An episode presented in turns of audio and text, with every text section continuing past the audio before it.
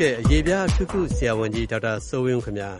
ကျွန်တော်တို့ဒီသပင်ကျွတ်တာကလူတော်တော်များများမှာဖြစ်လေရှိတာပေါ့ဆရာနော်အဲ့ဒီခါကျတော့အဲ့သပင်ကျွတ်တဲ့အကြောင်းလေးကိုနည်းနည်းစပြီးတော့ရှင်းပြပေးပါလားဟုတ်ပါတယ်သပင်ဆိုတာတော့ဒါလူတိုင်းအများကျွန်တော်ထားတဲ့အရာတစ်ခုတစ်ခုပဲပေါ့နော်ဒီလူတိုင်းအတွက်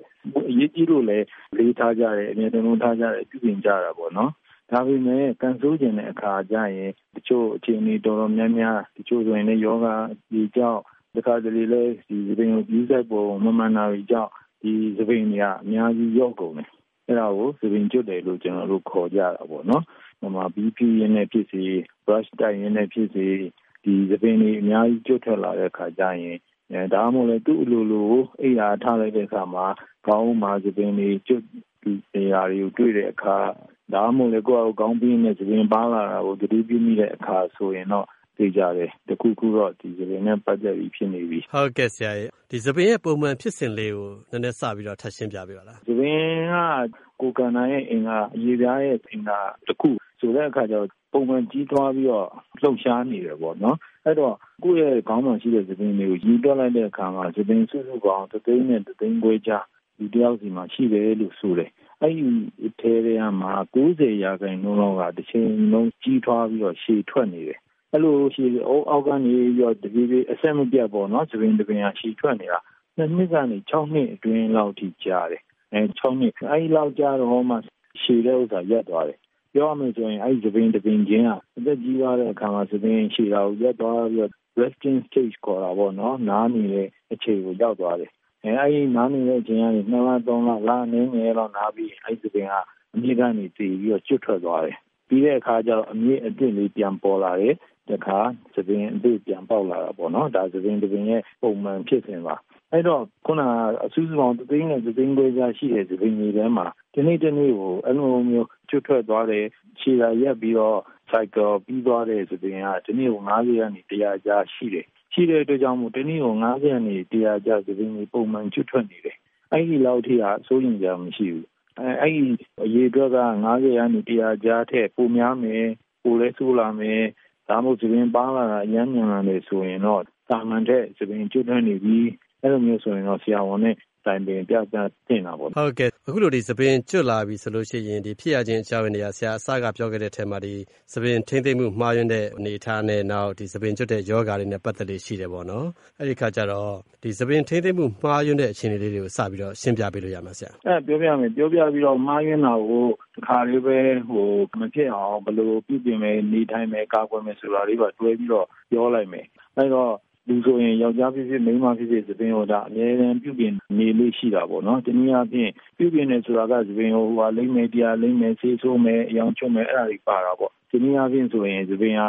ဓာတုဗေဒပစ္စည်းတွေနဲ့အမြဲတစေထိတွေ့နေတာပေါ့နော်။အဲအဲ့ဒီထိတွေ့နေတဲ့ပစ္စည်းတွေမှာသပင်ဆိုးဆေးတွေရောင်ချဲဆေးတွေရောင်ချွတ်ဆေးတွေဖြောင်းဆေးတွေကောက်ဆေးတွေမျိုးစုံပါတယ်။အဲ့တော့အဲ့ဒီဆေးတွေကမှန်မှန်ကန်ကန် အသုံးပြုတတ်ရင်ပြဿနာဖြစ်တာအများကြီးပါတယ်ဒါပေမဲ့မှန်မှန်ကန်ကန်အသုံးမပြုမိတဲ့အခါကျရင်သပင်ရဲ့တိဆောက်ပုံဖြည့်ဆည်းလိုက်သလိုဖြစ်သွားတယ်။အဲဆိုလိုချင်တာသပင်ပြည့်စည်သွားတယ်။အဲဒါကြောင့်မို့လို့ဒီလိုပစ္စည်းတွေကိုအသုံးများတာရမ်းပြင်းတာကိုယ်သပင်တဲ့ရမ်းပြင်းတာတွေသုံးမိတာဒါမှမဟုတ်ထားမဲ့အချိန်တဲ့အကြာကြီးသုံးမိတာတခါဒီမှာလည်းတစ်နေ့တော့နှစ်ခါသုံးမိတာ